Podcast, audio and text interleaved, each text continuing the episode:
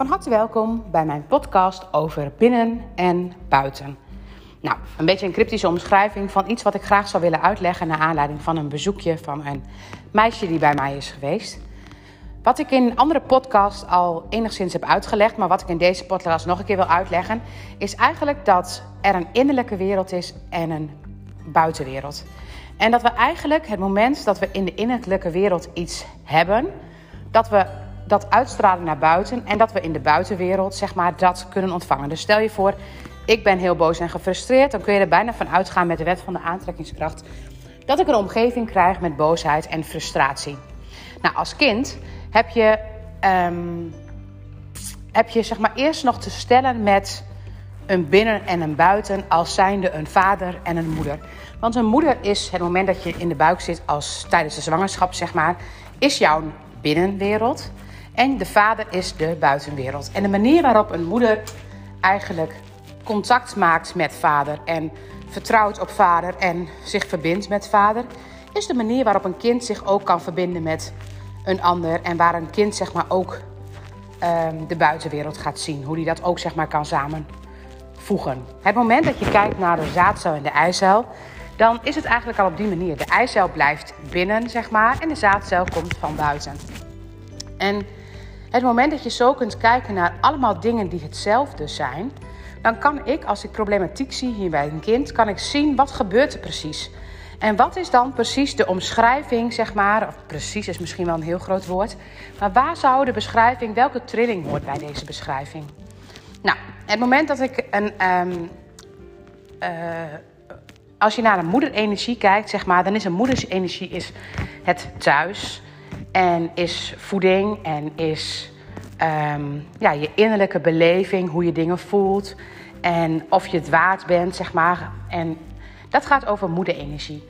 En de moeder hoort bij het nest, zeg maar. De moeder zit op het nest. En vader gaat steeds naar buiten om spulletjes te halen. Om uiteindelijk het nest te bevoorraden met voeding, met geld, met waarde. Dus die haalt eigenlijk iets van buiten naar binnen. Als je kijkt naar man en vrouw, dan zit daar ook een verschil in. Het man, het vrouwelijke, is het gevoelige, is het um, ruimtelijke, is het brede kijken, zeg maar, is in het lichaam ook een bepaalde kant van het lijf. En het mannelijke is het rationele, het analytische, is, een ander, is net als het linker en het rechter brein een ander deel van ons brein. Het moment dat je kijkt naar mannelijk en naar vrouwelijk en naar vader en naar moeder, dan zitten daar dezelfde thema's op. Dan zit je dus ook op analytisch en op gevoelig. En dan kun je prima als ouders allebei gevoelig zijn. Maar dan is er alsnog een analytische kant die ook nodig is om te, krijgen, om te hebben. Nou, het moment dat je naar binnen en buiten kijkt en naar vader en naar moeder, dan is het fijn als dat een goede doorloop is. En heel vaak als je kinderen, naar kinderen kijkt, dan is het precies in de motoriek eigenlijk te zien. Bij, um, bij de geboorte, zeg maar, wordt een kind geboren, gaat het van binnen naar buiten. Dan gaat het de eerste negen maanden, staat het in de moederenergie. Om vervolgens zichzelf op te kunnen richten en te kunnen gaan staan of te gaan kruipen. En dan vanaf de moeder te gaan bewegen en weer naar de moeder toe. En vanaf de moeder naar eigenlijk dan vader, naar de buitenwereld. En dan zelf besluiten wanneer het weer terug kan komen. Nou, het moment dat je kijkt naar die beweging, die beweging zeg maar van moeder weg en weer naar moeder toe. Sommige kinderen krijgen een onwijze um, eenkennigheid, zeg maar. Dat ze dus, eigenlijk vinden ze het dus heel spannend om naar die buitenwereld te gaan bewegen. En dat is niet erg, dat mag. En eigenlijk moeten we ze dan gewoon oefenen met die beweging heen en weer maken van binnen naar buiten en van buiten weer naar binnen en op een eigen tijd, zodat ze daar helemaal veilig in worden. En de manier waarop moeder naar vader toe beweegt en de manier waarop vader in de buitenwereld beweegt en weer naar huis komt en de manier waarop je als ouders mee hebt gekregen hoe de binnenwereld is en hoe de buitenwereld is, dat zijn allemaal spiegels waar een kind zich aan um, spiegelt of waar het op lijkt. Dus het is belangrijk om al die niveaus als aparte niveaus te zien, om bij problematiek het op die manier zeg maar breed te kunnen blijven zien. Nou, dit meisje heeft bijvoorbeeld moeite met um, praten, om goed te kunnen spreken. Ze zit um, ze hoort in principe nu echt al wel goed te kunnen praten. Maar het is moeilijk om haar te verstaan. En ze kan zelfs ook Engels gaan praten. Nou, wat dan heel grappig is, ik probeer al die dingen die ik dan steeds zie, de dingen die ik dan hoor, probeer ik te koppelen aan dingen. En als je dan kijkt naar binnen en buiten, het moment dat iets wat in mij leeft naar buiten moet komen, dan gaat het over communiceren en spreken. Dus het is voor een kind die heel erg in de binnenwereld zit en buiten ziet als iets anders, moeilijk om daar een verbinding in te gaan maken. En het is dan belangrijk om te gaan kijken, maar waar zit dan die verbindingsproblematiek in al die lijnen, zeg maar, die je daar kunt kijken. Dus dan gaat het over de geboorte, dan gaat het over de eerste negen maanden, dan gaat het over um, vader, dan gaat het over moeder, dan gaat het over systemen. Dus dat is belangrijk om al die dingen dan op een rij te zetten om te zien waar zit het thema, want het zit nooit op één plek. Het gaat steeds weer resoneren op andere niveaus. En op het moment dat je het dus gaat veranderen, resoneert het ook op andere niveaus, dat het dan beter gaat worden. Nou, het Engels spreken, dat is ook heel grappig, want dat is niet haar moedertaal. Haar moedertaal is Nederlands. En de moedertaal van vader en moeder is ook Nederlands. Maar zij spreekt Engels. Ze kan echt heel veel woorden in het Engels. En dat geeft niet, maar dat is niet haar moedertaal. En heel mooi zou je dus die buitenlandse taal, buitenland, naar binnen kunnen halen. Dus proberen om die Engelse woorden te integreren in het Nederlands. Om ze zo met elkaar te verbinden. Niet omdat ze dat de hele dag moet gaan spreken, want dan is ze weer alleen maar binnen. Maar om die buitenlandse taal mee naar binnen te gaan nemen. En zo gaat steeds op alle levels kun je zo die dingen gaan verbinden. Nou, kijk je dan naar hoogbegaafdheid, dan zie je vaak bij hele hooggevoelige kinderen ook een hoogbegaafdheid. En dan is het niet een en, dan gaan ze niet spelen met de gevoeligheid en met die begaafdheid. Nee, ze doen of-of. Dus of ze zijn echt heel analytisch en heel slim, of ze zijn echt heel gevoelig. Dus ze zitten in de klas bijvoorbeeld heel gevoelig te zijn en komen niet tot leren. Of ze zitten zeg maar heel analytisch te zijn en ze komen niet tot sociaal zijn. Dus het is een heel groot of-of wat je ziet.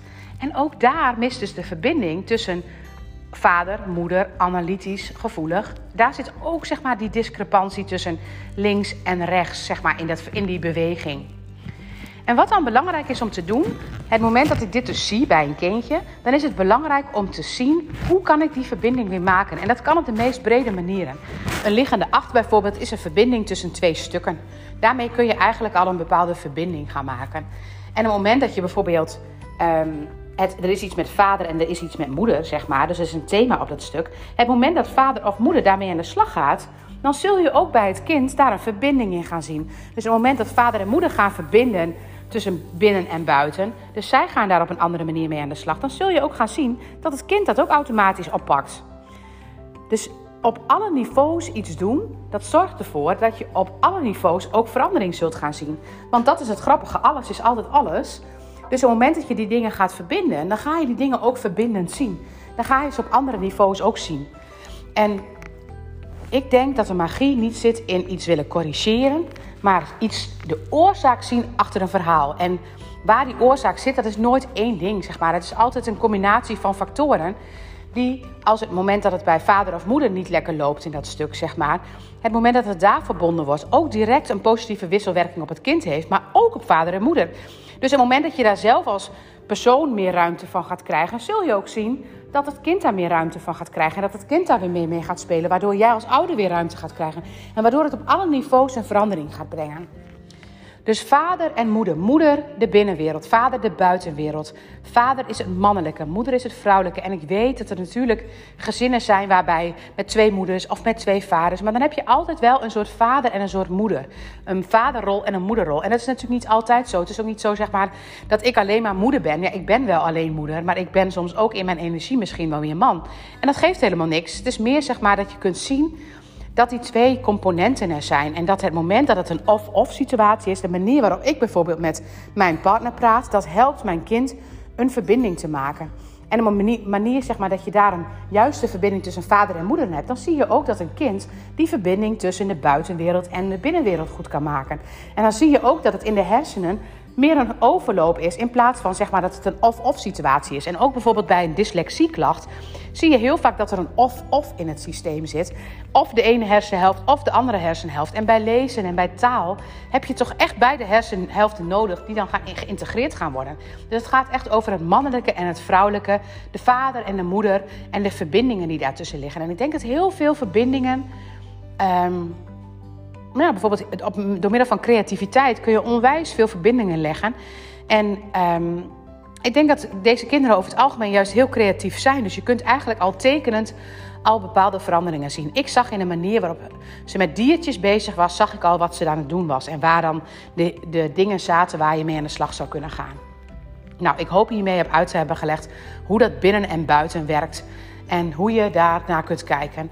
En dat het dus niet iets is van het is nu niet goed en het moet beter of iets dergelijks, dat het goed of fout is, want het is het helemaal niet. Het gaat erover dat het moment dat je ziet dat daar een verbinding is en dat je op verschillende niveaus die verbinding kunt maken, dat je er een verbinding gaat krijgen. Dankjewel voor het luisteren.